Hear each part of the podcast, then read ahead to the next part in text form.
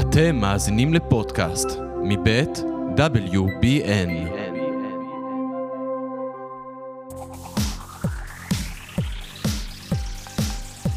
היי, שלום, תודה שבאתם, תודה שבאת אורי. תודה אלעד על ההזמנה. כן, למרות שאתה... כאילו, אני די מחויב להיות פה, בוא, בוא, בוא נשים דברים על השולחן. לא, נכ... נכון, אנחנו גם מקליטים מהמשרד, זה כן. די פשוט.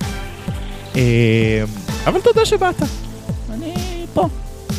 אה, ותודה למאזיננו ששוב התייצבו. אה, וזה הזמן להגיד שאם אתם מאזינים חדשים אז ברוכים הבאים ואנחנו ממש ממליצים לעשות follow, לעשות subscribe ולעקוב כדי שתוכלו להמשיך ולהאזין וגם אם אתם מאזינים ישנים שבטעות לא עשו את זה. זה הזמן. אה, ואנחנו ממש נדהר לתוך הנושאים. יאללה, בוא נתחיל. נוותר על שיחות החולין. מה אברון? טוב, נושא ראשון שלנו, מה הנושא הראשון אז שלנו? בוא אני אגיד לך. תגיד. כל מה שהיה בכותרות ב- בתחילת השבוע, מראשון עד שלישי, כי אתה יודע, הכותרות פה משתנות תוך אה, דקה. אה, מתווה הריכוך של הקואליציה. כן, מתרככים. מתרככים לנו, כי, כי החלטנו להגיע לפשרה חד צדדית, מה שנקרא. מה, מה אתה חושב על זה? מעניין אותי לדעת. תשמע, אני מאוד תופס גם מרוטמן וגם מיריב לוין כפוליטיקאים. אני חושב שהם פוליטיקאים מצוינים, אני חושב שהאג'נדה המשפטית שלהם היא אג'נדה ארוכת טווח, ולכן אני רואה פה שתי אפשרויות שאני נוטה לשנייה. האפשרות הראשונה היא שהם פישלו, שהם פישלו פוליטית, שהם האמינו שהם הם, יוכלו להביא את המתווה הזה, ו... ושהם יוכלו קצת לריב עליו, לשים בו כמה עיזים, להוציא את העיזים, ואז להעביר אותו בשלום. אני לא חושב שזה נכון, כי כאמור, אני כן מפרגן להם פוליטית. אני חושב שאם הם היו חושבים שכל המהומה הזאת שווה בשביל כמה עיזים, הם בעצם הכניסו עיזים ורצחו את הרפורמה. העיזים שלהם דרסו, אכלו ו... והרגו אה, אה, את כל הלגיטימציה לרפורמה. היום לא רק שמתווה ריכוך לא יעבור, בעיניי, גם ולו השינוי הקטן ביותר שהיה אפשר להשיג בקונצנזוס, אה, לא יעבור, כי, כי זה לא היה עז, זה היה מפלצת, מה שהם הכניסו. ולכן, דווקא זה לא הנטייה שלי. אני חושב שהם הביאו מתווה שהם האמינו בו, שהם חשבו שהוא יעבוד. אולי היו שם כמה עיזים קטנות, אבל אני חושב שעוצמת ההתנגדות היא דבר שאנשים לא שיערו. אני לא חושב, כמו שהם אומרים היום, שמבחינתם פשרת האמצע היא ניצחון עבורם. אני חושב שזה הרבה פחות ממה שהם רצו כשהם יצאו לרפורמה הזאת. אה, אני חושב שהם נאלצו להגיע לפשרה הזאת. אה, כי עוד פעם, אם הם היו מבינים ש, שבזה מסיימים, הם היו פותחים אחרת. אני חושב שבאופן שאליו הם מגיעים היום, הם יכלו לרתום הרבה יותר גורמים כשהם היו יוצאים לדרך, הם יכולים להתחיל בצורה הרבה פחות דורסנית, אם הם היו רוצים להגיע לנקודה הזו. והם פוליטיקאים טובים שהיו יודעים שלהגיע לנקודה הזו אפשר לעשות בדרך הרבה יותר פשוטה. אני, אני גם חושב רגע שחשוב לעשות פה סדר, כי בעצם מתווה הריכוך הוא מתייחס רק לדבר אחד, לוועדה למינוי שופטים. זה מתווה הריכוך. מתווה הריכוך אומר בגדול שהקואליציה יכולה למנות שופטים. זה ככה על הנייר. עכשיו, חשוב להבין את הלו"ז של הכנסת. הרי יריב לוין אומר, אנחנו עדיין לא ויתרנו על הרפורמה. זה כרגע מה שיוצא ממנו. זאת אומרת, ההסברה של הקואליציה זה, הריכוך הוא בוועדה למינוי שופטים, בהמשך אנחנו נמשיך להתקדם עם הרפורמה. צריך להבין שהמושב הבא יהיה בלעדי לתקציב המדינה. זה נושא עצום שדורש ממש את ההתגייסות של כל הקואליציה, זה הצעת החוק היחידה שמפילה ממשלה. זאת אומרת, כל המושב יתייחס רק לזה, לא יהיה שום מקום להתייחס לנושאים המשפטיים. אז כשיריב לוין אומר עכשיו, אנחנו נמשיך ואנחנו נתקדם, צריך לקחת את זה בחשבון. עכשיו, אני מסכים איתך לגבי הדבר השני, שאתה אומר שהם רצו להעביר את זה כעסקה גדולה. אז אם אנחנו מסתכלים על זה ככה, אני חושב שיש פה כישלון משמעותי של הקואליציה. קודם כל, גם ברמת התוצאה. תראה, הם שינו, הם שינו דבר אחד, הם לא שינו את התוצאה הסופית, כי הרי אנחנו יודעים ששקד הצליחה למנות שופטים ימניים הרבה לפני שהיה שינוי במינוי לוועדת שופטים. אפשר לעשות את זה באופן פוליטי בלי להבעיר את המדינה. למעשה מה שקרה פה, זה שהקואליציה, או יותר נכון נאום לוין, הבעיר את המדינה בלי להביא שום הישג לקואליציה, מלבד שינוי מינורי בוועדה למינוי שופטים. עכשיו, זה מתחבר באמת, לדעתי, לפרשנות השנייה שלך, שאומרת שיש פה, שהיה פה ניסיון להעביר את כל החבילה, ומרגע שראו שזה לא קורה, ממש עשו פולבק מוחלט להצעה. ואני חושב שבתוצאה הסופית, הממשלה פה בכישלון חרוץ, גם ציבורית, היא ריסקה את תמיכת הציבור, וגם בתוצאה היא לא השיגה שום דבר ממה שהיא רצתה. כן, אבל בוא, בסופו של דבר, גם ההצעה כביכול מרוככת, אה, לא כביכול, בוא נגיד את האמת, היא מרוככת אל, אל ההצעה המקורית. אבל גם ההצעה המרוככת היא הצעה שנותנת להם שליטה מסוימת אה, במינוי של שופטים, אה, ולכן גם היא תהיה חלק בעיניי ממה שיכול להיות משבר חוקתי עתידי, כלומר היא עשויה להיפסל בבג"ץ, אה, היא, היא עשויה להמשיך לעורר עניין. ואני חושב שבמידה מסוימת, ההצהרות של לוין על זה שהולכים להמשיך, ייבחנו בהחלט, ועשויים גם להמשיך את המחאה. כי אם במושב הבא, אז לא במושב הזה, אבל במושב הבא תהיה פסקת התגברות, אז, אז המחאה תימשך. וגם חוק דרעי 2, שהולך, אה, ש, שקרב ובא, גם הוא, הוא במהותו מעין התגברות על בג"ץ. ולכן אני חושב שהמחאה, הרכבת של המחאה יצאה מהתחנה. כלומר, המחאה הזאת לא תפסיק. אנחנו, יש איזה טיעון ש, שבא ואומר, זאת אומרת, הרבה פעמים מת, תומכי הרפורמה אומרים למתנגדי הרפורמה, אומרים להם, תקשיבו, זה לא סיפור של הרפורמה, תגידו את האמת, אתם פשוט נגד הממשלה הזאת. והרבה פעמים אומרים, לא, מה פתאום, זה לא קשור לממשלה, זה קשור לרפורמה. אני מציע להם אסטרטגית, תגידו כן, זאת האמת. יש פה אה, ציבור שיש לו בעיה עם הממשלה הזאת, ולדעתי הוא יכול לגייס אליו הרבה מאוד אנשים, כי יש אנשים שגם שהצביעו לממשלה הזאת, ותכף נגיע לחקיקה, לא מרוצים מאיך שהיא נראית, כי זה יותר קיצוני או, או, או יותר מפחיד ממה שהם דמיינו שזה יהיה. אה, חשבו שזה יהיה יותר בשליטה, ו, וזה ניכר לא בשליטה.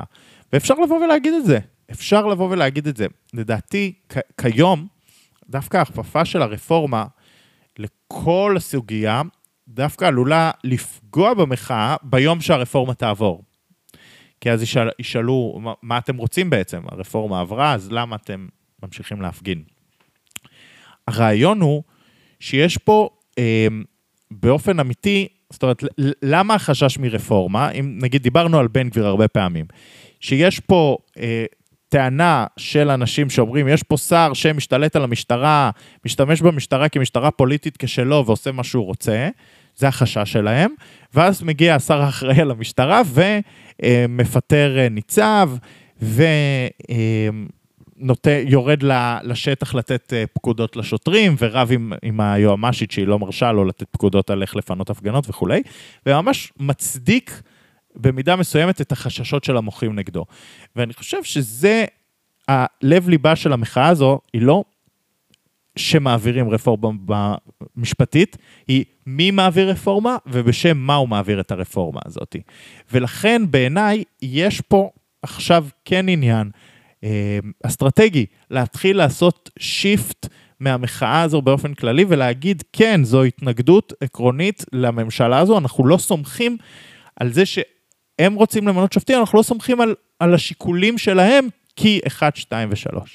ואגב, יש פה עוד שתי נקודות. אם אנחנו מתחברים לזה שהחקיקה מאטה, אז זה עוד נקודת ניצחון למחאה. כי שוב פעם, הנושא הזה ממשיך להיות בסדר היום, וזה באמת, כמו שאתה אומר, הנושא החזק שהמחאה מסתובבת סביבה, והיא החליטה להתמקד בו, וההאטה הזאת גם, תראה, בסוף, המתווה המרוכך, הוא לא מתייחס לבעיה המשמעותית של הקואליציה. הקואליציה מבוססת על כמעט 20 מנדטים של מפלגות חרדיות, ש... הדבר המרכזי שבשמו הם רוצים את המהפכה המשפטית הוא חוק הגיוס, זה דבר שחשוב להם מאוד. והמתווה המרוכך לא מתייחס לפתרון של המשבר הזה. ועד שלא יהיה פתרון למשבר הזה, המפלגות החרדיות לא יהיו מרוצות. זאת אומרת, המתווה המרוכך הוא נחמד, הכל בסדר, מצוין, אבל הוא לא מתייחס למהות שלשמה הקואליציה הזאת הוקמה. עכשיו, ברגע שגם סמוטריץ' וגם רוטמן עומדים במס... במסיבת העיתונאים ואומרים, אנחנו מאטים עכשיו את החקיקה, אנחנו אה, רוצים לשמוע, אנחנו רוצים להקשיב, זה חד משמעית נותן למחאה עוד כוח, זה נותן לה זמן להילחם, זה נותן לה זמן להתארגן, וזה מאפשר לנושא הבאמת חזק הזה, כמו שאתה אומר, הם לא התמקדו באף נושא אחר, להמשיך להיות הנושא המוביל של המחאה. טוב, מה הנושא הבא שלנו? אה, אני חושב שקודם כל צריך מעברון. אנחנו נעשה אותו. אה, אז בוא נעשה את המעברון. יאללה.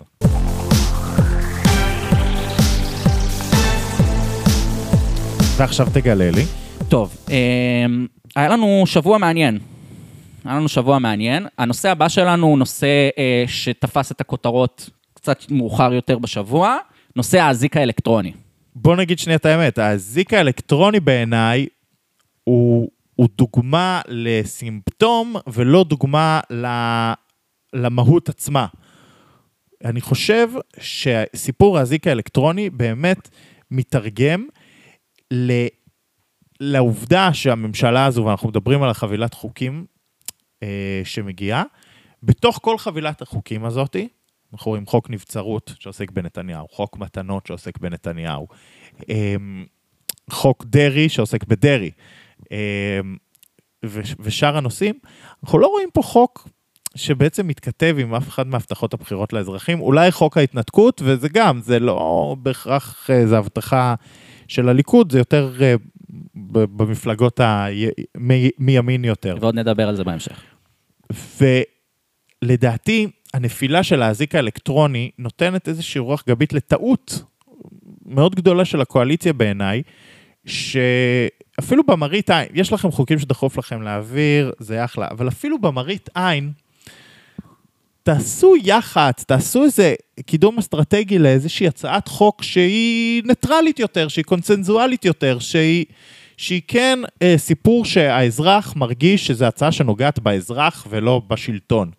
כי אתה יודע, חוק הנבצרות, זה נוגע בשלטון. חוק דרעי, זה, זה לא רלוונטי לאזרחים. כאילו, האזרח בבוקר לא אומר, אה, עבר חוק דרעי, עכשיו משהו משתנה אצלי בחיים. ולדעתי, בדיוק שם נוגע הסיפור הזה של האזיק האלקטרוני.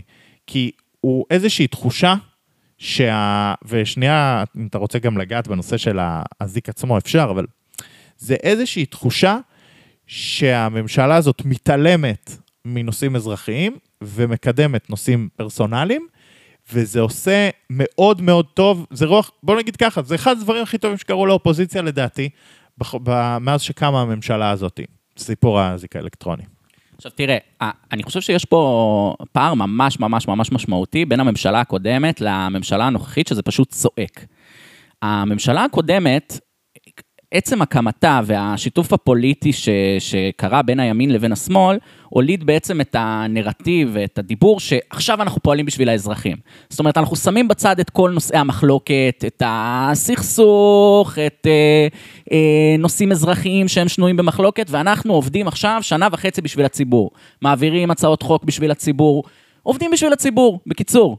ואני חושב שהקונטרסט הזה בין הממשלה הקודמת, שבאמת זה היה נושא הליבה שלה, לעבוד בשביל האזרח, לבין הממשלה הנוכחית, שגם מול הציבור היא לא עובדת כדי להגיד אני עובדת בשבילכם. היא אומרת, אני משנה פה את פני הממשל, זאת אומרת, זה... לא, אבל זה לא נכון, כי הממשלה הזו כן מדברת על זה שהיום בג"ץ שולט במדינה, והיא הופכת את ישראל ליותר ד- דמוקרטיה, נכון. בשביל האזרח הקטן שסובל נכון, מבג"ץ. נכון מאוד, אבל זה עדיין נושאי ממשל גבוהים. לא מדובר פה על החיים שלי, שלך, של כולם. זה, זה לא, לא יוקר מחיה, זה לא איכות סביבה, זה לא הדברים הקטנים האלה שהממשלה הקודמת התעסקה בהם המון. עכשיו, שוב פעם, יש פה גם נושא לא קונצנזואלי, שזה משהו שהממשלה הקודמת גם נמנעה ממנו מאוד מאוד מאוד. האופוזיציה, שהיום היא הקואליציה, כשהיא דיברה אל מול הממשלה, כמעט ולא היה לה נושאים לתקוף אותם עליה, כי הם באמת לא התייחסו לדברים האלה.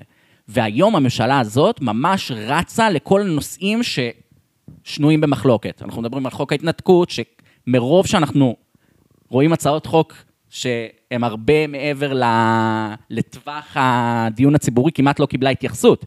אבל הממשלה הזאת ממש ממש מתמקדת בדברים שהם שנויים במחלוקת. ואני חושב שזה מזיק לה גם ברמה הציבורית, שפשוט אין לה את ה... אבל מה זה שנוי במחלוקת? זו ממשלה הומוג... אם הממשלה הקודמת הייתה הומוגנית, והייתה ממשלת שמאל על מלא, לצורך העניין, אז היא ברור שהיא הייתה הולכת לעשות הסכם מדיני, והוא היה שנוי במחלוקת. כלומר, יש פה ממשלה שיש לה, שקיבלה... הטיעון שלך שהיא מתעסקת בנושאים שנויים במחלוקת, זה קצת טיעון סרק בעיניי, כי הוא, הוא בעצם מבטל את היכולת של ממשלה הומוגנית לעשות את מה שהבטיחה לבוחרים שלה. כאילו, ברור שחוק ההתנתקות הוא חוק שנוי במחלוקת עבור, אמ, עבור הצ- הציבור שנמצא מהמרכז ושמאלה. גם ברמה הבינלאומית. תכף נגיע לחוק ההתנתקות. אה, שינוי הרכב בג"ץ, האופן שבו הם עושים אותו, לדעתי, אה, אה, נכנס גם לתוך, לבעיה בתוך המחנה שלהם. אבל זה האופן, הנושא במהות שלו הוא שלהם. בסוף יש פה ממשלה הומוגנית, ימין על מלא, שהבטיחה לטפל בנושאים שקשורים אליהם. ברור, המובן מאליו הוא שהם יהיו אבל- שנויים במחלוקת. אבל זה לא רק זה, כי במהלך מערכת הבחירות לא על זה הם רצו. לא על זה הם רצו באופן בלעדי, הם רצו על חינוך חינם אה, 0 עד 3, הם רצו על מחירי הגז והדלק, הם אמרו שיוקר המחיה אה, עולה ומח... ו... והאזרחים קורסים. זאת אומרת, גם בממשלת ימין הומוגנית יכלו לעשות מושב, שהמושב הראשון יהיה על מה שהם רצו בבחירות. להתייחס לדברים שהם רצו עליהם. זה כאילו בדיוק, זו הייתה התלונה, הרי. אבל גם אז- זה היה מוצא את עצמו שנוי במחלוקת. למה? כי אז היית, כי, כי גם לטפל ב, ב, בנושא כלכלה, יש לך דרך שהיא היא- היא- היא ימין ויש לך דרך שהיא שמאל, ויש אבל לך... הם הבטיחו בבחירות ללכת לדרך מאוד מאוד ברורה. עכשיו- חינוך 0 עד 3, זה, גם- זה, זה משהו שיש לו קונצנזוס אה, ציבורי מאוד מאוד גדול. כן, אבל גם הביטחון וגם המשילות בנגב וגם כל מיני נושאים כאלה בווד... הם בוודאות לא קונצנזואליים. הממשלה הימנית הזו נבחרה במידה מאוד מאוד מסוימת על נושא ביטחון לצורך העניין. ואין בו כמעט התמקדות. אני מסכים איתך, אבל זה לא קשור. התפיסה, התפיסה שלך כאילו יש פה בעיה בנושא, שהבעיה של הממשלה היא, היא זה שהיא מתעסקת בנושאים שנויים במחלוקת, את זה אני לא... זאת אומרת, זה, זה מתנגד ליסוד. אני חושב, אתה יודע מה? אני חושב שאם הממשלה הקודמת הייתה מעיזה להתעסק בנושאים שנויים במחלוקת, אולי הייתה מחזיקה יותר זמן. אולי היה לה ערך. זאת הייתה לדעתי אחת התקלות הכי קשות של הממשלה הקודמת. העובדה שהממשלה הקודמת לצורך העניין לא העבירה את חוק הנאשם, שזה חוק שבאופן אישי אני לא מתלהב ממנו, אבל הוא היה חוק שבגלל שהוא היה קצת שנוי במחלוקת הם לא העיזו. בסוף, הממשלה הקודמת, אחת הבעיות שלה זה שהיא לא יצאה עם מספיק קבלות לציבור. אז אני לא, אני לא חושב שהבעיה היא שהם מתעסקים בנושאים שנויים במחלוקת, אלא שהם מתעסקים באופן בלעדי בנושאים שנויים במחלוקת. זו הבעיה שלי. והם מדבררים והם מתייחסים רק לדברים שנויים במחלוקת. זו, זו הבעיה של הממשלה הנוכחית, איך שלא מסתכלים על זה. זאת אומרת, כשאתה מתעסק כל היום בדברים שנויים במחלוקת, אתה כל היום תתעסק בסערות שנגזרות מהן. וזה מה שקורה. והממשלה הזאת פשוט איבדה את השליטה הציבורית והתקשורתית באיך היא מדבררת את עצמה, כי היא מתייחסת והיא מתעסקת רק בדברים שגוררים שיח ציבורי מאוד מאוד מאוד קיצוני. אוקיי, אני, ה- התפיסה שלי היא קצת שונה. אני חושב שהעובדה שהם מתעסקים בנושאים שהם גבוהים מהאזרח באופן בלעדי, ולא מצליחים לתבלן את התבשיל הזה של העיסוק היומיומי שלהם בנושאים שהם נוגעים בצורה יותר ברורה באזרח, זה הנושא שפוגע בהם. כי אתה יכול להתעסק בשטחים, ואתה יכול להתעסק בהרכב בג"ץ, אבל אתה חייב גם לתת, שנייה נחזור לנושא המקורי, משהו לאלימות כלפי נשים. אתה פשוט חייב לעשות את זה. אתה חייב אה, שיהיה לך תמיד איזה משהו, שתהיה איזו תחושה ציבורית שאתה גם מתעסק ב- באזרח. אתה יודע, אנחנו רואים את ה... דיברנו שבוע שעבר על הכשל של קטי שטרית, שהיא אמרה למה אתם לא מתעסקים בדברים הטובים שאנחנו עושים. אנחנו רואים הרבה מאוד מרואיינים מהליכוד ומהקואליציה הזו נופלים בשאלה הזו כשהיא מגיעה מהצד השני, כי אין להם כרגע תשובה לזה, כי הממשלה הזו, כל סדר היום שלה, אני לא הייתי אומר, בוחר במילה שנוי במחלוקת, בעיניי יש לי, ההתנגדות שלי למה שאתה אומר הוא הביטוי שנוי במחלוקת. כן, אני מבין. היא פשוט מתעסקת בנושאים שהם א', ברומו של עולם ולא ברומם של בני אדם בלבד, והיא לא מתעסקת בשום דבר שהוא, שאפשר, שהוא קונצנזואלי. אני חושב שמהותית אנחנו לא מאוד מאוד מתווכחים, אבל אני עדיין עומד על כך שכשהממשלה מתעסקת רק בנושאים שאין עליהם קונסנזוס ושהם מאוד מאוד חד צדדיים, ואין הצעות חוק שהן כן קונצנז, כן קונצנזואליות, זאת אומרת, כל הדברים שהם רצו עליהם בבחירות, מחירי דלק, 0 עד 3, נושאים שבאמת, בציבורית הישראלית, 75-80 אחוז תומכים. תחשוב שבמקביל למה שקורה עכשיו ברחובות, הממשלה הייתה יוצאת עם איזו תוכנית כלכלית מעניינת. עם איזה, לא השנתיים שלוש המגומגם הזה של נתניהו, אפס עד שלוש אמיתי, אני עומד על זה, זה הנושא החשוב לי. ביבי מארגן מסיבת עיתונאים, אומר, תקשיבו, עזבו מהפכה משפטית, לא מהפכה משפטית, אני עכשיו עושה משהו לאזרחי ישראל שהבטחתי בבחירות. אבל למה הוא צריך אני- להגיד, עזבו מהפכה משפטית? למה הוא לא יכול לעשות מהפכה משפטית ו... אה, אני אומר, זה במקביל. אל לא, תתעסקו. אתה אמרת עזבו. לא עזבו ברמה הטכנית, עזבו להתעסק במהפכה המ- המשפטית. תתחילו להתעסק בדבר הזה.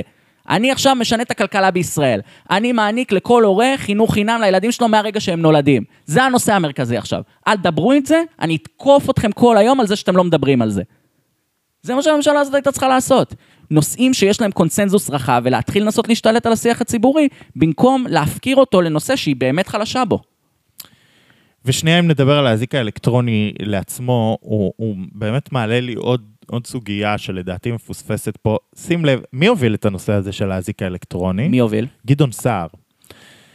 יש פה מחאת נשים מאוד מאוד מאוד גדולה. יש פה נושא, אה, הנושא של אה, אלימות אה, כלפי נשים תפס תאוצה מאוד, יש באמת הרבה מאוד מקרים בזמן האחרון.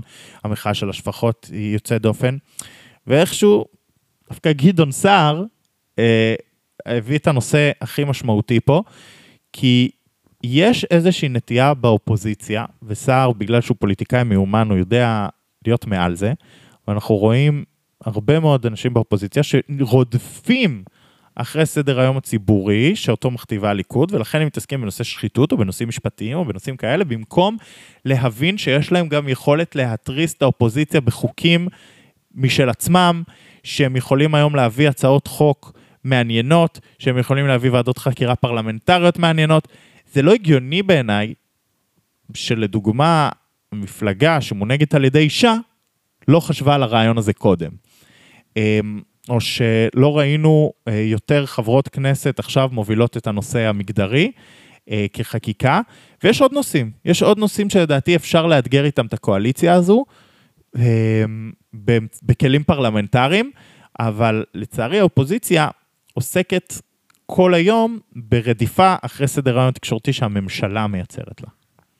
כן. זה בדיוק הפער הזה בין אה, לבנות משהו חדש לבין להתמקד במה שקורה כרגע, אה, ולדעתי זה, זה הזמן לעבור לנושא הבא.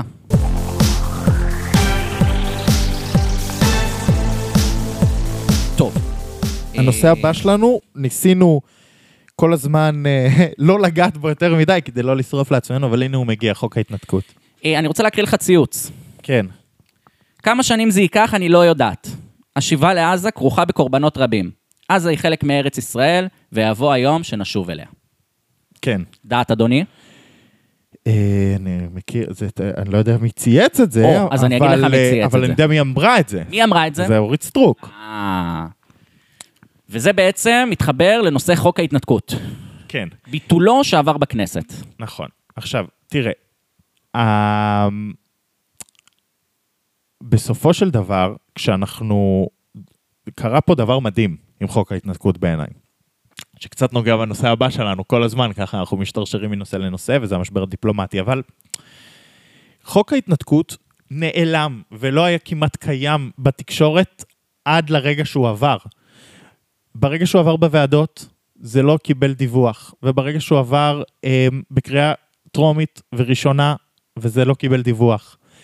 אה, הייתה פה התעלמות מוחלטת, גם תקשורתית, גם של המחאה, גם של האופוזיציה, שתכף נדבר על הכשל העוד יותר גדול שלה בסוגיה הזאת, שפשוט הת- התעלמו לחלוטין מהחוק הזה. ואנחנו רואים, ביום שאחרי שעבר החוק הזה, אנחנו רואים את המשבר הדיפלומטי, אנחנו רואים את ההד שהוא מייצר, אנחנו מבינים כמה אסטרטגית היה נכון למתנגדים של החוק הזה לחפור בתוך החוק הזה. והם פשוט התעלמו ממנו. ובעיניי, דיברנו פה הרבה על זה שחסרה באופוזיציה הזו איזה רוח מדינית. בעיניי, ההתעלמות מחוק ההתנתקות זה פספוס עצום. אה, פשוט נתנו לחוק הזה לעבור ללא שום התנגדות. היום מייללים על משהו שלא ניתן לשנות אותו כבר בגלל הביקורת מבחוץ, אחרת לא היו מדברים עליו. אה, יש עתיד, רוב הח"כים לא הגיעו להצבעה. בכחול לבן ניתנה חופ... ניתן חופש הצבעה. אה, ולמעשה ככה החוק עבר בשקט. עכשיו, אני חייב להגיד לך משהו על החופש הצבעה הזה. אני מבין שבאג'נדה של אה, אלקין או סער או מי שזה לא יהיה מהמחנה הממלכתי, הם uh, תומכים במהות של חוק ההתנתקות. אני מזכיר לך עד לפני רגע האופוזיציה שהצביעה uh, נגד החלת החוק ביהודה ושומרון. ואופוזיציה שכללה את אורית סטרוק, את uh, סמוטריץ', את בן גביר, את נתניהו, והצביעה נגד הדבר הזה. היא, הצביעה נגד חוק האזרחות, אה, איחוד משפחות וכולי, אה, חוק שהיא ראתה בו כערך לביטחון המדינה. הם עשו את כל הדברים האלה כי הם אמרו, יש פה פגיעה גדולה יותר מבחינתנו בביטחון המדינה או בהתיישבות או בכל הנושאים האלה, וזה המשך קיום הממשלה הזו. אנחנו מוכנים להפסיד במיקרו כדי לנצח במקרו. וזו אסטרטגיה שעבדה, כי הם ניצחו. תשאר לך שעל החלת החוק ביהודה ושומרון, um, היו נותנים בציונות הדתית ובליכוד חופש הצבעה, כי אין מה לעשות, כי זה נושא שהוא חשוב והוא בדמם, ואז רינאוי זועבי הייתה יכולה לא להצביע על החוק הזה, או אפילו להצביע נגד. והממשלה הקודמת, יכול להיות שהייתה נשארת עד היום. הדבר הזה של בזמן שאתה מנהל כלפי חוץ מלחמה על עתיד הדמוקרטיה הישראלית וכל מיני מילים פומפוזיות שאתה צריך לה, לגרום לציבור להאמין בלב שלם שאתה עומד מאחוריהם, ואז לתת חבל הצלה לממשלה, הוא ניגוד כל כך מובהק של פעולה אסטרטגית לא, מטופשת עד לא קיימת. אמ, וזה בעיניי שני, המר... בעיניי סיפור חוק ההתנתקות, יש בו שני מרכיבים והם שניהם כשל אופוזיציוני. הראשון הוא של המפלגות השמאליות יותר באופוזיציה, שלא הצליחו לייצר פה אופוזיציה מדינית, והשני הוא של המפלגות הימניות יותר באופוזיציה, שנתנו חבל הצלה. תראה, המחשבה שלי סביב זה, ואני באמת תוהה, כי אני עוד לא, אין לי משהו מוגדר לתשובה סופית מה אני הייתי ממליץ לעשות. אבל אני חושב שהאופוזיציה מזהה בעצם, אה, מה שאתה מעביר כביקורת, הם מזהים כ, כחוזקה. זאת אומרת, מבחינתם, כל עוד הדיון הציבורי נשאר רק על הנושא המשפטי, אולי מעט על הביטחוני, טוב להם. הם מוצאים את הקונצנזוס הציבורי במקומות האלה, הם יודעים שבנושא המשפטי יש להם תמיכה ציבורית אדירה, הם יודעים שגם בנושא הביטחוני באיזשהו מקום יש אה, הרגשה לא כל כך נעימה לציבור הישראלי, אבל שינוי לנושא המדיני, אני לא יודע כמה הוא מטיב להם. זאת אומרת, בואו ניקח לדוגמה את השבוע האחרון. אם השבוע האחרון היה סביב חוק ההתנתקות.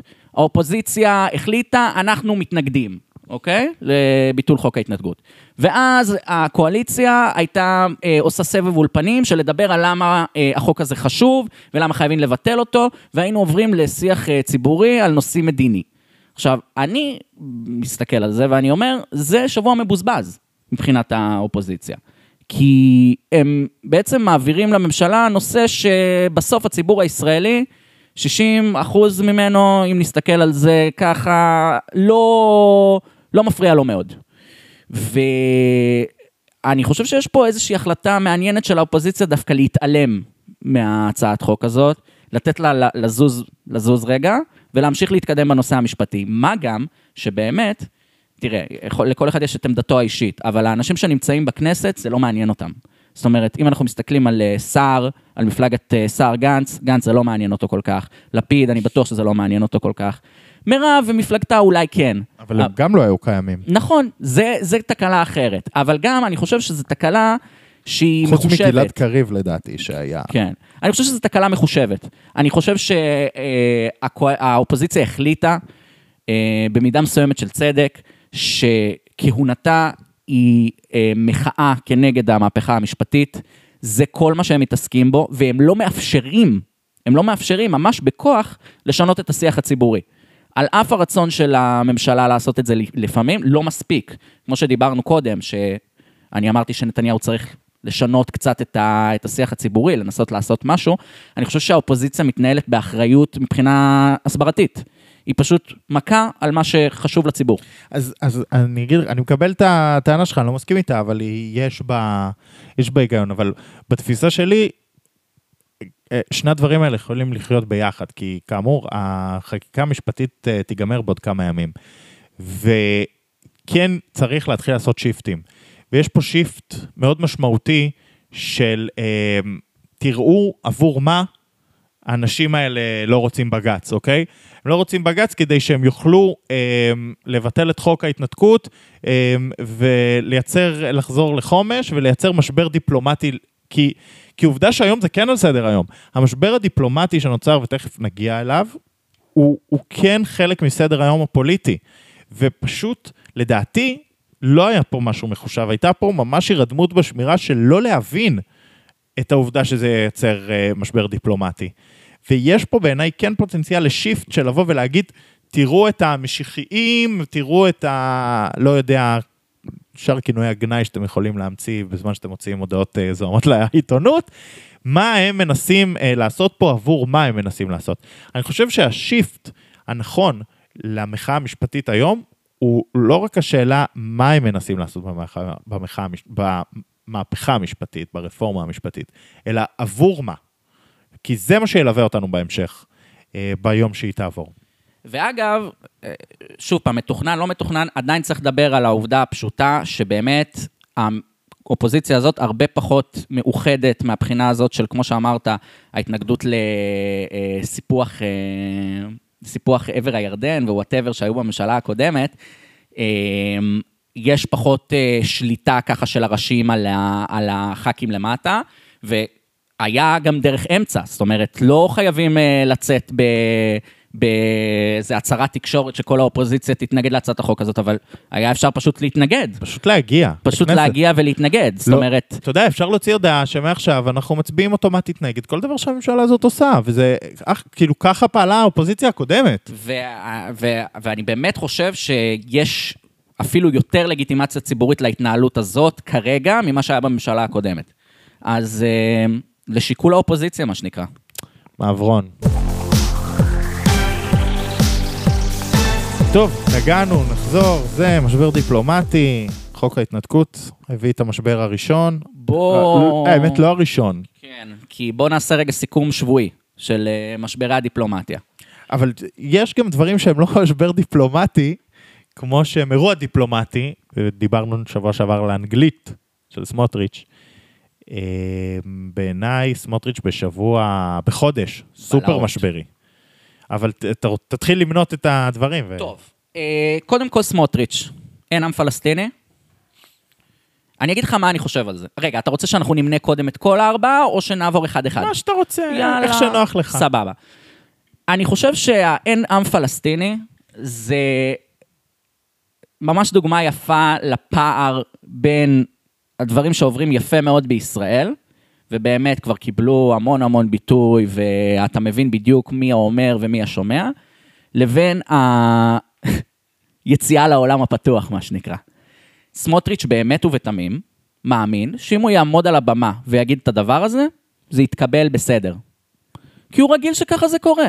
הוא רגיל שהטיעון של אין עם פלסטיני, הוא יכול לעמוד על במה ולהתווכח עליו. והוא יכול לתת את הטיעונים שלו, והוא יכול לשמוע את הטיעונים של הצד השני, ויכול להיות שלא יסכימו, אבל זה כאילו משהו שאפשר להגיד. על במה בינלאומית בעולם, זה אמירה משברית. זה אמירה שהיא יוצאת דופן, והוא צריך להבין שהוא שר בממשלת ישראל. והאמירה שלו היא אמירה דיפלומטית רשמית של מדינת ישראל. כשהוא עומד על במה ואומר אין עם פלסטיני, זה אסון דיפלומטי. והוא עדיין פשוט לא מבין את המקום שלו. הוא לא מצליח להבין את המקום שהוא הגיע אליו, והוא נוכח בו כרגע. אני חושב שסמוטריץ', קודם כל חייבים שם איזה ניהול משבר. זה, זה משבר. זה משבר, זה משבר שהוא מתמשך, ואני חושב שהנוכחות שה, הבינלאומית שלו לא עושה לו טוב. כי סמוטריץ', אה, הפוליטיקאי הישראלי, היה פוליטיקאי שנתפס כמאוד אינטליגנט, מאוד חכם, אמ, מאוד מתוחכם, בן אדם שגם אם אתה לא מסכים איתו, אתה, אתה מפחד ממנו, כי אתה לא לועג לו, אלא אתה מעריך אותו. ו, וסמוטריץ', הפוליטיקאי הבינלאומי, אמ, נתפס תדמיתית כ-180 מעלות מזה. ואתה יודע, דיברנו פה שבוע שעבר על, על uh, תרגום סימולטני. אמרנו, למה סמוטריץ' צריך ללכת לדבר באנגלית שהוא לא מכיר, במקום לעשות איזה תרגום סימולטני. זאת עצה גרועה, והחלטה גרועה. ואני חושב ששאר ההח- ההחלטות האלה הן חלק מבאמת איזה חוסר אה, אה, הבנה של בניית אה, תדמית דיפלומט. כלומר, הייתה איזו מחשבה כנראה בלשכת סמוטריץ', שזה הזמן לקפוץ רמה מפוליטיקאי ישראלי לפוליטיקאי בינלאומי, ולכן הוא צריך לנאום באנגלית, ולכן הוא צריך אה, אה, לנאום על במות בינלאומיות. ומשהו בקפיצת רמה הזאת תוכנן כנראה בצורה קצת מרושלת. כי בעיניי יש קשר בין הנאום באנגלית הקלוקלת לבין אה, להגיד אה, אין עם פלסטיני ולא לשים לב עם איזה דגל אתה מצטלם.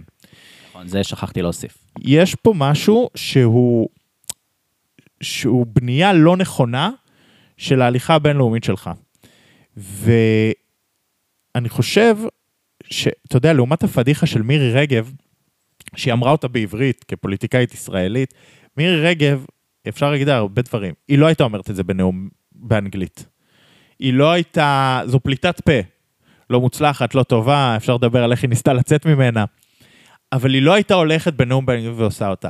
היה משהו כאילו מחושב בהליכה של סמוטריץ' לחו"ל, ובמקביל מאוד לא מחושב נכון. כאילו, היה חישוב, הוא פשוט לא היה טוב. כאילו, פשוט הייתה ישיבה. זה מה שאנחנו מנסים להגיד. הייתה ישיבה לדבר הזה. כן. היה תכנון. ואמרו, אוקיי, עכשיו נעשה אותך פוליטיקאי חיים שנואם באנגלית. ונגיד אפילו מעבר לזה, עכשיו אנחנו מעלים את הרף. זאת אומרת, אנחנו יושבים מול השולחן ואנחנו אומרים, אנחנו מציגים לעולם את הנרטיב הישראלי. כאילו, זהו, עכשיו זה הזמן שלנו ל... לפרוץ החוצה. זה באמת חוסר הבנה של מה שקורה בעולם, ואגב, זה עוד חולשה של הממשלה הזאת, שהיא כל כך נמצאת בתוך הציבוריות הישראלית, והיא כל כך בטוחה בשליטה המוחלטת שלה בנרטיב, שכשהיא יוצאת החוצה, ואנחנו רואים את זה בחוק ההתנתקות, אנחנו רואים את זה במהפכה המשפטית, אנחנו רואים את זה בכל מקום, היא מקבלת ביקורת שהיא ברמה משברית. זאת אומרת, זה, היא לא הייתה מוכנה לפידבק הזה מהעולם, כי היא הרגישה בשליטה כל כך חזקה פה. אמ, וזה עוד סממן של מה שקורה פה בשבועות האחרונים. ואם הזכרת כבר את מירי רגב, שאמרה שהיא לא אהבה את... אה, איזה מדינה היא אמרה שהיא לא אהבה? היא אמרה על דובאי, על דוב- דובאי שהיא זה לא היה? נהנתה בדובאי. שהיא לא נהנתה בדובאי. עכשיו, בוא, בוא ניקח את הדוגמה הזאת. תשים לב איזה דבר מטורף זה. שרה בממשלה אומרת שהיא לא נהנתה בדובאי, אוקיי? שר החוץ של ישראל צריך להוציא הודעת הבהרה על הדבר הזה. מירי רגב צריכה להתקשר אחרי זה לשגריר... אה, אנחנו לא יודעים אם באמת התקשרה. לא יודעים אם באמת התקשרה, אנחנו נדבר על זה בזמן אחר. בסרטון הוא לא היה. הוא לא. היה, ומאשימה את התקשורת בישראל, ואומרת, אנחנו ביחד מבינים שזה סילוף של התקשורת בישראל. שוב פעם, זה שזה עובד לכם בישראל, לא אומר שזה יעבוד לכם בעולם. זה שזה עובד לכם בישראל, להגיד התקשורת מסלפת, ה- ה- ה- יש פה deep state והדברים האלה שהם עובדים בציבור הישראלי והם יכולים להיות מאוד משכנעים ויש בהם אפילו, בוא נגיד, ניקח את זה הכי רחוק, מידה מסוימת של אמת, הם לא יעבדו בעולם. העולם במקום אחר לחלוטין, וההקצנה הזאת בדיון בישראל לא עוברת לעולם. העולם רואה, רואה בישראל כמדינה שפשוט מאבדת שליטה. אבל מה, מה, מה היית עושה אם היית מירי רגב? איך אחרי- היית יוצא? מהפלונטר הזה? כן. על אמת, הייתי מתנצל. אז זהו, בעיניי זו התשובה היחידה. זאת אומרת, אה, הדבר ההגיוני, ויכול להיות שזה מה שקרה, כי אנחנו ראינו סרטון שמיועד לקהל הישראלי לכבות את השריפה. אנחנו אה, לא, אני אומר אפילו... אנחנו לא יודעים מה היא עשתה, אבל נכון. הדבר ההגיוני לעשות, להתנצל. הוא להתנצל. הוא להגיד, תשמעו, זה היה אה, לא דחקה. זה היה, כן, לא מוצלח מצידי, ו... ופשוט אגב. הממשלה הזו, אני חושב שיש לה בעיה בכללי, ברגע למשוך את הדברים הקיצוניים. כי, אתה יודע, יש את הרצון הזה, אתה יודע, כל הזמן לא להתנצל, לא לזה, לא כמו אה, סרטון אה, בנט מבחירות... לא מתנצלים. אה, כן, מבחירות אה, אז עם הזקן בתל אביב.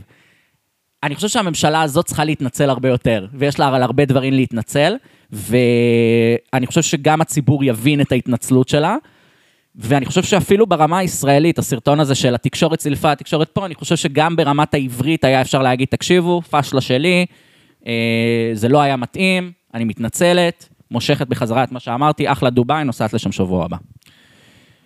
טוב, בסדר. אה, שנייה בדיפלומטיה היו עוד, אה, לדעתי עוד נגיעה שפספסנו, אני לא יודע אם יש לך... אה, לי יש איזה רבע טייק על אה, סיפור המיסיון, שמעת על זה? כן, שמעתי, גפני. אה, כן, נשלפה איזה הצעת חוק שגפני אה, העלה בתחילת המושב, שהיא למעשה אה, אה, נגד הנוצרים, והיא עשתה קצת סערה בעולם הנוצרי, ונתניהו נאלץ להוציא הבהרה. זה מצחיק, אני נחשפתי אגב לסיפור הזה דרך ההעברה של נתניהו, לא, לא גם שמתי אני, לב גם אני. לפני זה. האמת, אני מנסה להיזכר, אה, אולי, כן. עכשיו, למה, למה זה משעשע אותי? למה? כי אני מבחינתי, בוא שנייה נגיד את האמת, היה פה ספין מוחלט. כאילו, ברור, כי זו הצעה מתחילת המושב. הצעה מתחילת המושב שלא הייתה לדיון, לא עלתה לסדר היום, הוגשה אוטומטית כמו כל הצעות החוק.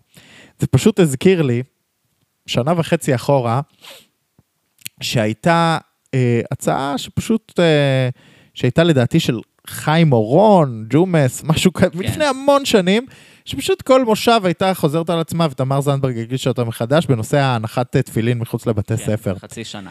ואז, אה, היא הונחה מחדש ובממשלה הקודמת, וזה עשה רעש אדיר שתמר זנדברג, שהממשלה מתכוונת באמצעות חוק של תמר זנדברג למנוע הנחת תפילין, ובנט נאלץ להתייחס לזה, והבטיחו שלא יקדמו את זה, ו... ובאמת זה היה אותו דבר, והיה לה הפגנות אה, תפילין מת- מתחת לבית והכל. אז אה, אתה יודע, זה, זה אותו סיפור, היא לא התכוונה, הממשלה הקודמת לא התכוונה לעשות שום דבר עם תפילין, והממשלה הזאת כרגע לא מתכוונת לעשות שום דבר עם הנצרות, אבל אתה יודע, זה מצחיק לפעמים איך אה, אה, פוליטיקה ופשוט מסתובבת. ואתה יודע, מי שמשתמש בספין אחד, שלא יתבכיין, שעושים עליו את הספין בחזרה. כן, ואני רק רוצה להוסיף משהו קטן, שבאמת, אה, ראש ממשלת ישראל בארבעה חודשים האחרונים, כמות ההבהרות שהוא צריך להוציא, זה באמת לדעתי תקדים עולמי. כאילו, כמות ההעברות שהבן אדם הזה מוציא, ואני חושב שעל חוק המיסיון זה היה נורא נורא מצחיק, יתחיל ממש לרוץ על זה דחקה, מה ההעברה של שבוע הבא, כי כאילו... זה כאילו כל כך קיצוני כבר ההעברות האלה, שאתה כבר לא יודע מה יהיה. ואני חושב, סליחה שאני מפריע, אה, לא, לא, לא, אני. מתנצל, אני ממש, סליחה. קח את הזמן. שנתניהו שוקע, שוקעת בו ההבנה שהוא איבד את השליטה. אה, אני לא יודע מה הוא יעשה עם זה. אני חושב שהוא צריך להיות מאוד מודאג ממה שקורה ברמה הזאת. אני חושב שיש פה ממשלה לא מקצועית, באמת. אה, בכל אגפיה, פשוט לא מקצועית ברמה ההסברתית, אה, וזה פוגע בו באופן קשה מאוד ברמה התדמיתית שלו אישית. ואם הוא לא יעשה משהו בשבוע, שבועיים הקרובים כדי לנסות לתקן את התקלה הזאת, הוא ימצא את עצמו בסיטואציה מאוד מאוד קשה אל מול כל הידידות שלנו בעולם, וזה דבר שדורש התייחסות שלו. תראה, לדעתי נתניהו נמצא במידה מסוימת קצת בין הפטיש לסדן, כי אני מאמין שנתניהו בקדנציה הזו, אם היית שואל אותו, מה, מה המטרה שלך? מה אתה היית רוצה לעשות? מה היית רוצה, איך היית רוצה שיזכרו את הקדנציה הזאת? שהיא כבר, צריך להגיד את האמת, לקראת הסוף. אה, בסוף אה, היהודי כבר לא צעיר. והוא היה כבר 13 שנה, אתה כן, יודע, זה... צריך להפנים את זה ש... מתי ש- מתישהו יגיע סופו כראש ממשלה כן. ברמה ההיסטורית. זה יקרה. זה יקרה. ואני חושב שהוא כבר מתכנן את הלגאסי, ואני חושב שאם היית שואל אותו מה הלגאסי, זה היה פרס נובל, אה, וזה היה הסכמי אברהם, וזה היה להרחיב אותם ולהיות אה, מנהיג אה, באמת גדול ברמה הבינלאומית. מנהיג ש... שייזכר כאחד מהמנהיגים הגדולים בעולם, אחד המנהיגים הפוליטיים הגדולים בעולם. ואני חושב שבמידה מסוימת נתניהו היה שם. אני הייתי מסתובב בעולם ובהרבה שיחות פוליטיות עם הרבה מאוד אנשים ממדינות איזוטריות שלא היית יודע להתנחש בחיים מראש הממשלה שלהם, הם הכירו את ראש הממשלה שלך. אה, נתניהו היה דמות. אה, אפשר לאהוב, אפשר לא לאהוב אותו, אבל הוא היה, ובאמת גם הסכמי אברהם נתנו לו באמת עוד פוש לדעתי לחלום הזה. אני חושב שהממשלה הזו, היא, אם דיברנו על זה שזה היה חלום שלו, היא חלום הבלהות שלו מהבחינה הזו. זאת אומרת, היא הממשלה הכי טובה שהוא יכל לח- לחלום עליה בישראל, והממשלה הכי רעה שהוא היה יכול לחלום עליה בעולם. אמ, ואני כן מסכים איתך שהוא יישב על זה, ינצל היטב את, את פגרת הכנסת שבאה אלינו, שבה לא תהיה חקיקה, ותהיה לפחות עצירה של הדבר הזה, כדי ללכת לאיזשהו סבב ולשנות את התדמית הזאת בעולם. והוא יצטרך להבין איך הוא מגיע למושב הבא, כי לדעתי זה מאוד רחוק אה, מאיך שהוא היה רוצה להיתפס.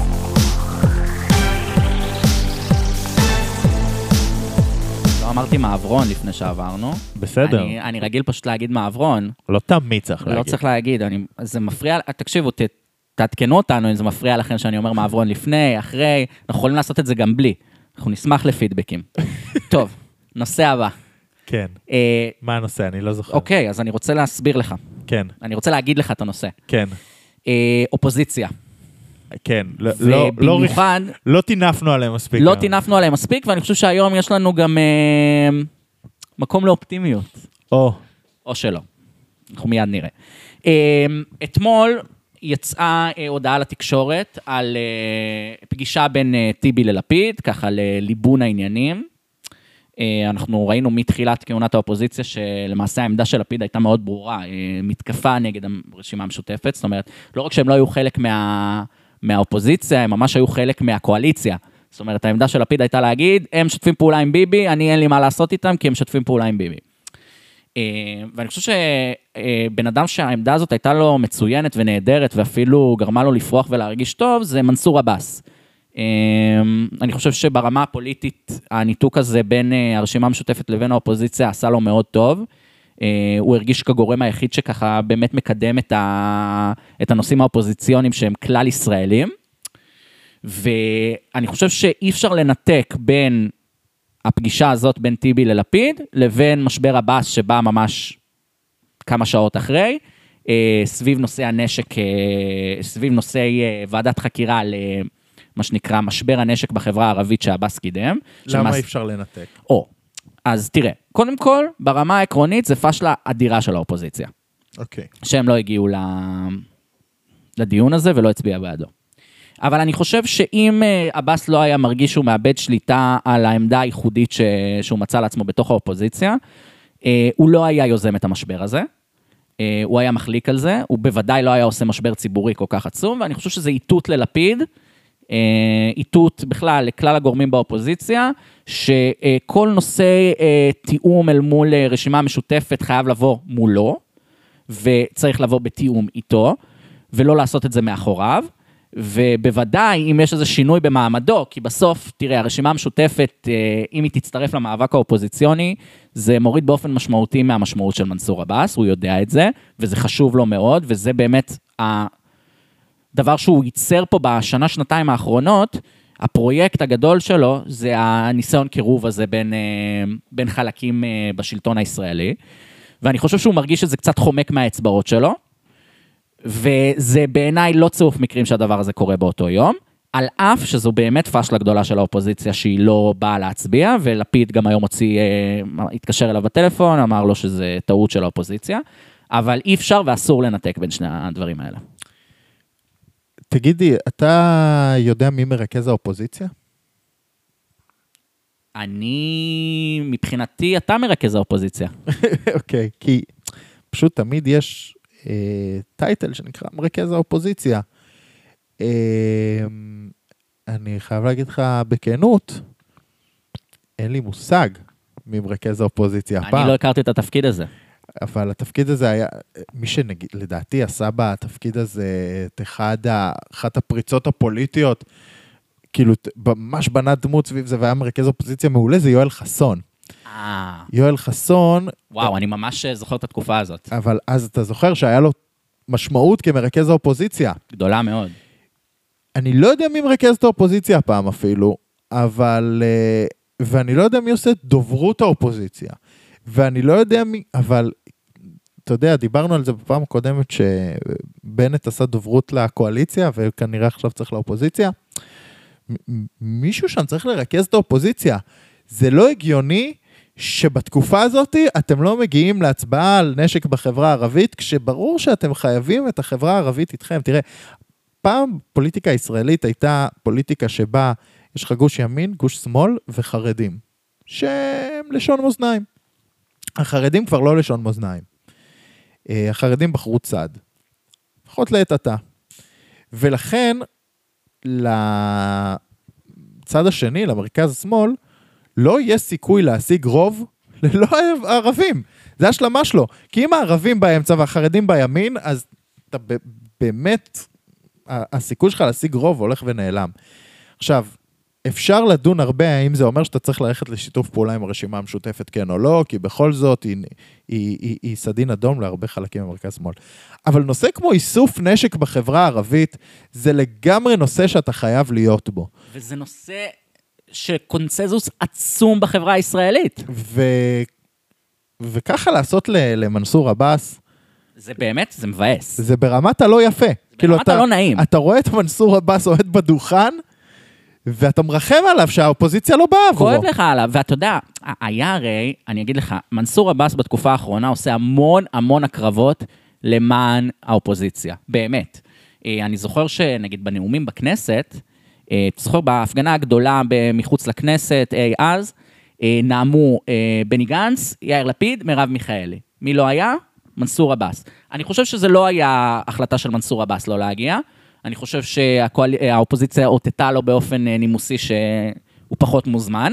וזה שמנסור עבאס לא עשה על זה איזה סיבוב, ולא התעצבן, ולא תדרך, ולא... אתה יודע, הוא מאוד team player במאבק אה, האופוזיציוני, ואני חושב שבאיזשהו מקום האופוזיציה לוקחת אותו קצת מובן מאליו, ואני חושב שזה מעליב, ואני חושב שאגב, אני, אם השתמע מדבריי קודם שאני מאשים את מנסור עבאס באיזשהו אופורטוניזם, ושהוא כאילו, אה, זה ממש לא המקום שלי, אני חושב שצריך לתאם איתו פגושות מול טיבי, אני חושב שהוא הציר המרכזי של אה, המפלגות הערביות, אני חושב שמה שהוא עשה בשנתיים האחרונות זה דבר מטורף, וההתייחסות של האופוזיציה אליו זה כאילו להגיד, אה בסדר, מנסור איתנו, מנסור איתנו. אין לו לאן ללכת. אין לו לאן ללכת, לאן ילך? הוא אני- שלנו. אני חייב להגיד שמכולם, אולי חוץ מגנץ, לא, יש הכי לאן ללכת. הוא היחיד באופוזיציה הזאת שכבר הוכיח בעבר שיש לו לאן ללכת. הוא... והוא פלירטט עם זה גם בתחילת הכהונה הזאת. זאת אומרת, הוא לא היה לגמרי בתוך האופוזיציה בהתחלה, הוא אמר, יש חופש הצבעה לרע"מ, אנחנו עוד לא יודעים, אנחנו נבדוק. בסוף הוא החליט להיות נאמן למה שנקרא גוש השינוי, ולהיות חלק משמעותי מהמאבק האופוזיציוני, ובעיניי אני חושב שזאת החלטה נכונה של מנסור עבאס, במיוחד סביב המחנה הפוליטי שהוא הקים. אה, מבחינה ציבורית זה הגיוני, אבל האופוזיציה חייבת להתאפס על עצמה ביחס אליו, כי הם לא מבינים כמה הוא חשוב. אני חושב שהם איבדו, בגלל שהוא כל כך חלק מה, מהמאבק כבר, והם מרגישים שהם חלק ממנו, מאיתם, מהם, אה, הם קצת מאבדים מה, מהתמונה הגדולה שבעצם הוא דמות מרכזית שחייבים לטפח ולהחזיק. אוקיי, יש לך עוד נושא? שסיימנו. אה, יש לנו עוד נושא קטנצ'יק, קטן. קטן. למה, אין זמן? בסדר, בוא, בוא, יש נושא חמוד, שאני חושב. שלא יהיה רלוונטי לשבוע הבא, אז אולי... וואי, היה לנו גם נושא... בסדר, זה, זה יאללה. הנושא יידחה. אתה מכיר את המשימה... רגע, אני אתן... אה, זה... במשרד יש לנו כל מיני משימות כאלה... אוקיי, אני אגיד, אה, ניתן הקדמה אפילו יותר גדולה. במשרד יש לנו אפליקציה שיתופית לכלל המשרד, שיש בה את כל המשימות של השבוע. אפליקציית שליטה. אפליקציית שליטה כזאת, שכל אחד מהמשרד יכול לראות גם את המשימות של שאר האנשים, וככה להישאר בשליטה על מה, מה קורה.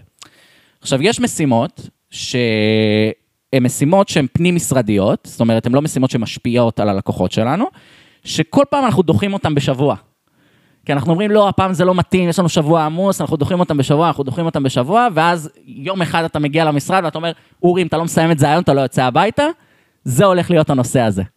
כל תוכנית אנחנו נזכיר אותו, וכשהוא יהיה רלוונטי, אנחנו נגיע אליו. אני מעולם לא אמרתי לך שאתה לא יוצא הביתה. אה, אמר, אמר. אבל אנחנו לא בנושא הזה עכשיו. לא, אנחנו בנושא אחר. כן, אה, המורדים בליכוד. קדימה. מורדי הליכוד. קדימה. וואו, חזרנו חזרנו. לתקופת המורדים, תראה כן. איזה יופי. טוב, אה, בוא נתחיל עם המרכזית מביניהם בשבוע, טלי גוטליב, ידידתנו, למה היא מרכזית? כי היא הכי מצחיקה. כאילו, היא באמת הכי. מצחיקה. מקובל עליי. כאילו, היא עומדת בריאיון, והיא אומרת, תקשיבו, בכנסת הקודמת היו מלא בעיות של אתיקה, לא העיפו אף אחד בוועדת האתיקה, איך זה הגיוני? מה היא שוכחת? שלא הייתה ועדת אתיקה. למה לא הייתה ועדת אתיקה? כי הליכוד סירב להקים אותה. כי, הסיר, כי הליכוד לא הכיר בממשלה הנבחרת, קרא לנתניהו ראש הממשלה וסירב לתפקד בכנסת. אז זה הדבר הראשון, זו המורדת הראשונה. היא אמרה, לא מסכימה להצביע במשך שלושה ימים, מכיוון שאני לא מסכימה עם ההחלטה של ועדת האתיקה. צריך להבין, ועדת האתיקה היא נשלטת גם על ידי הקואליציה, זאת אומרת, ראש ועדת האתיקה הוא חבר קואליציה. אה, ועדת האתיקה, למי שלא מכיר, היא שוויונית במהותה. כלומר, היא, היא נמצאים בה אנשים מהקואליציה ומהאופוזיציה באופן שוויוני. אה, היו"ר הוא מהקואליציה, והמהות היא שהיא כאילו נמצאת מעל לשאר ועדות הכנסת, היא, היא, היא, היא אמורה לשפוט באופן אובייקטיבי ולקבל החלטות אה, בקונצנזוס. אגב, אני, אה, ככה בשולי הדברים באמת, אה, קצת נחרדתי לגלות על העונשים שהוועדה הזאת יכולה לתת. אה, אני חושב שזה לא, לא קול. האמת, בוא, בוא שנייה, נגיד את האמת הלא פוליטית של הדברים, האידיאולוגית. אני חושב שזה, שוועדת אתיקה זה דבר ילדותי. כאילו לא. מנגנון אה, הענשה פנימי, כאילו היית תלמיד בבית ספר. ואגב, על אמת, העונשים. העונשים הם קצת מוגזמים. זאת אומרת, אה, יש אה, אנשים שלא יכולים להגיש הצעות חוק במשך איזו תקופה מסוימת. זאת אומרת, יש לוועדה הזאת איזה... יש פה מקום של- לדיון ציבורי מאוד נרחב על, אה, אתה יודע, חופש הביטוי וגם אה, זכות הבחירה, שאתה מגביל בעצם נציג ציבור שציבור שלנו בחר אותו. אתה יודע למי אתה יכול לפנות? למי? לבג"ץ. אה, מעניין. אוקיי, אז זה דבר ראשון. כן. אבל אני חושב שהנושאים היותר מעניינים, אה, שהם קצת פחות קוריוזים, אלא ממש נושאי ליבה של הקואליציה, הוא ציר חדש שנבנה, אה, ציר אמסלם ביטן. כן. שהוא נבנה סביב אה, נושא אה, אידיאולוגי. אגב, שוב פעם, בעיניי מהלך מעניין, וצריכים לבוא יותר מהלכים כאלה מהקואליציה, לקחת נושא שכאילו יש עליו איזשהו קונסנזוס, ולקדם אותו, ואגב, היה סביב זה קצת דיון ציבורי, מע"מ על אה, תרופות אה, מצילות חיים, במקרה הזה סרטן. דוד ביטן ואמסלם אומרים, עד שזה לא מועבר, אנחנו לא מצביעים עם הקואליציה. ובעצם יזמו מין משבר כזה על נושא אה, ליבתי. אני חושב שכמו בנושא מנסור עבאס, אי אפשר להתייחס לזה רק לנושא הזה. אני חושב שזה איתות מאוד משמעותי לנתניהו, אה, דווקא של אמסלם, כי ביטן כבר נמצא במקום מאוד ברור אה, אל מול הממשלה הנוכחית, הוא חלק אבל הוא לא חלק. אמסלם מאותת לנתניהו, אני לא, אני לא פיון. כן, אני חושב שהוא גם הולך פה, זאת אומרת, זה לא רק שהוא עושה איזה מרד בממשלה, הוא גם עושה אותו יחד עם דוד ביטן. בדיוק. כלומר, עם בן אדם שזוהה כמעין מורד פוטנציאלי. אה, משול לדני דנון אה, וכו'. אפילו קצת יותר. נכון, ולא יודע אם ברמת השנאות האישיות, אבל כן. כן. אבל אה, ללכת ל- למרד יחד עם ביטן, אה, זה ממש איתות מצד אמסלם, אבל אתה יודע, פוליטיקה היא דבר דינמי, כי מה זה מזכיר לי? זה מזכיר לי את הקדנציה הראשונה של אמסלם בכנסת. לא רבים זוכרים, אבל איך אמסלם הגיע לחיינו?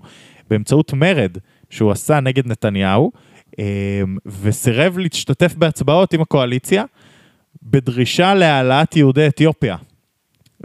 לא רבים זוכרים. איזה איש. זה הנושא שעליו אמסלם התחיל אה, כח"כ את הבולטות הציבורית שלו. לכן גם לא הייתי מתרגש. אה, ראינו איפה אמסלם התחיל, איפה אמסלם הגיע באמצע, איפה אמסלם היום, איפה אמסלם יהיה מחר. אה, אמסלם דמות פוליטית בעיניי מאוד מאוד צבעונית, שיודע כל פעם אה, באיזה נקודות ללחוץ כדי להשיג את מה שהוא רוצה, ואז הוא ממש מתקדם הלאה. אה, אבל אה, אני כן חושב שיש פה משהו שבהמשך לשיחה השנייה שלנו, יש בו פוטנציאל קצת קצת לפגוע בקואליציה, ולא בשל המרד או בשל שני אנשים שלא מצביעים, ולא בשביל אפילו העניין הליכודי, אלא הוא קצת מחזק שוב את התפיסה שלא מתמקדים בנושאים האזרחיים הקטנים, קרי בריאות, רווחה, אלא מתעסקים בנושאים הגדולים הממשליים שלא נוגעים לאזרח. במידה מסוימת זה ממש, אה, זה כאילו מין ביקורת פנימית כזאת, אתה מכיר שבסדרות טלוויזיה אז כזה נותנים רפרנס על הסדרה עצמה? ככה זה מרגיש קצת המהלך הזה של ביטן ודודי אמסלם, שהם מבקרים כזה מתוך האירוע, ובשולי הדברים, חזרה של הצמד האהוב ביותר. נכון, כאילו, בוא, בוא נגיד את האמת, התגעגענו. חד משמעית התגעגענו, וכך נסיים כדי שתוכלו גם אתם להתגעגע אלינו. נכון. רציתי להגיד עוד משהו תגיד, קטן. תגיד, תגיד. כי יש לנו את המרידה האחרונה, שהיא לדעתי הכי חשובה, ניתן אותה ממש בקטנה. נו, אה, היא הכי מת- חשובה. מתנגדי מתווה הריכוך. אה, נכון, זה חשוב. ארבעה מתנגדים למתווה הריכוך שצריך לשים לב אליהם, אה, ביניהם סעדה ודני דנון, שדיברנו עליו קודם. אה, זה קצת מזכיר אה, את מחני אה, התנגדות-התנתקות. אה, דני דנון מוצא את עצמו שוב פעם באותה פוזיציה. אה, צריך לזכור, יש פה המון רווח פוליטי על המגרש. דני דנון יודע את זה מההתנתקות. הוא עד היום פודה את הרווח הפוליטי. זאת אומרת, למצוא את עצמך באופוזיציה לריכוך, יכול עוד חמש-שש שנים להפוך אותך לגיב, לגיבור המחנה. צריך להיות מאוד מאוד זהירים פה לראות, ש... לראות לאן הכיוונים הולכים, אבל יש פה מחנה שמתהווה, והוא יכול להיות מאוד מעניין. אבל אני רוצה להגיד לך, ארבעה, תראה, כאילו מצד אחד, ארבעה מורדים זה בדיוק מה שצריך, שזה הפער בין 64 ל-60, והממשלה צריכה 61 בשביל החקיקה הזאת. ולכן ארבעה מורדים זה מאוד מאוד משמעותי. עם זאת, זה, זה, זה בעצם מספר הקסם. עם זאת, לדעתי, זה לא התנתקות, וזה לא אה, נושא שעליו הם אה, יכולים למרוד ולהרוס את, את כל הרפורמה. אני חושב שלא יהיה להם את הגב הציבורי עדיין, אלא אם כן הם יבנו מהלך בכמה ימים הקרובים, שממש ישנה את הזה, אבל לא יהיה להם את הגב הציבורי להתנגד להצבעה בשם איזו דרישה לריכוך. במיוחד עם מה שקורה היום ציבורית, זה ייתפס אפילו כאיזה משת"פיות, כאיזה דרך כאילו בשם עקיפה מימין לבלום את הרפורמה. ולכן אה, זה עדיין לא שם, אבל בהחלט הטון שלהם, לדעתי, ייתן להם איזושהי בולטות אה, קדימה. ובקטנה קטנה, התנהלות של דני דנון בכנסת האחרונה, תקשורתית, פוליטית, מאוד מאוד מעניינת, הוא מצליח למצב את עצמו גם בדיבורים על פשרה, וגם בדיבורים על ההתנגדות מימין למתווה. מאוד מאוד מעניין המהלכים הפוליטיים שדני דנון עושה, צריך לשים לב אליהם בכלל, כי זה ממש שיעור בפוליטיקה, בהתנהלות. דנון, אה, אתה יודע מה, אנחנו מסיימים מושב, אולי בפרק הבא נעשה איזה סיכום מושב, אבל אם אפשר להגיד, דנון בעיניי המצטיין של המושב. גם אני חושב. מצליח להיות על הקו הפוליטי מבחינתו, בציבור שלו, הכי נכון כל הזמן, גם לעומתי, אבל גם לא מרדן. אמ, גם בעד איחוד, אבל גם בעד לא להתפשר, כאילו ממש מצליח. לשחק על כל לשחק המגרש. את כל המגרש. טוב, שבוע הבא אה, נסכם ממש את המושב, זה רעיון מעולה. יאללה, תודה, תודה, תודה לכולם. חברים, אה, אם יש לכם מענות, טענות, אתם יכולים לפנות ב-DM גם אליי וגם לאלעד וולף בטוויטר. אתם יכולים לפנות אה, בעזרת תיוגים. גם בטוויטר וגם ברשת הפייסבוק ואינסטגרם. מי שלא עוקב אחרי הפודקאסט, בבקשה לעקוב, אנחנו נחמדים. מי שלא אוהב את הפודקאסט, בבקשה לעקוב, אנחנו ממש לא נחמדים. תודה שהייתם. תודה אה, שתהיו. תודה שתהיו, ומה שנקרא סופה שניים. תודה ללוקה.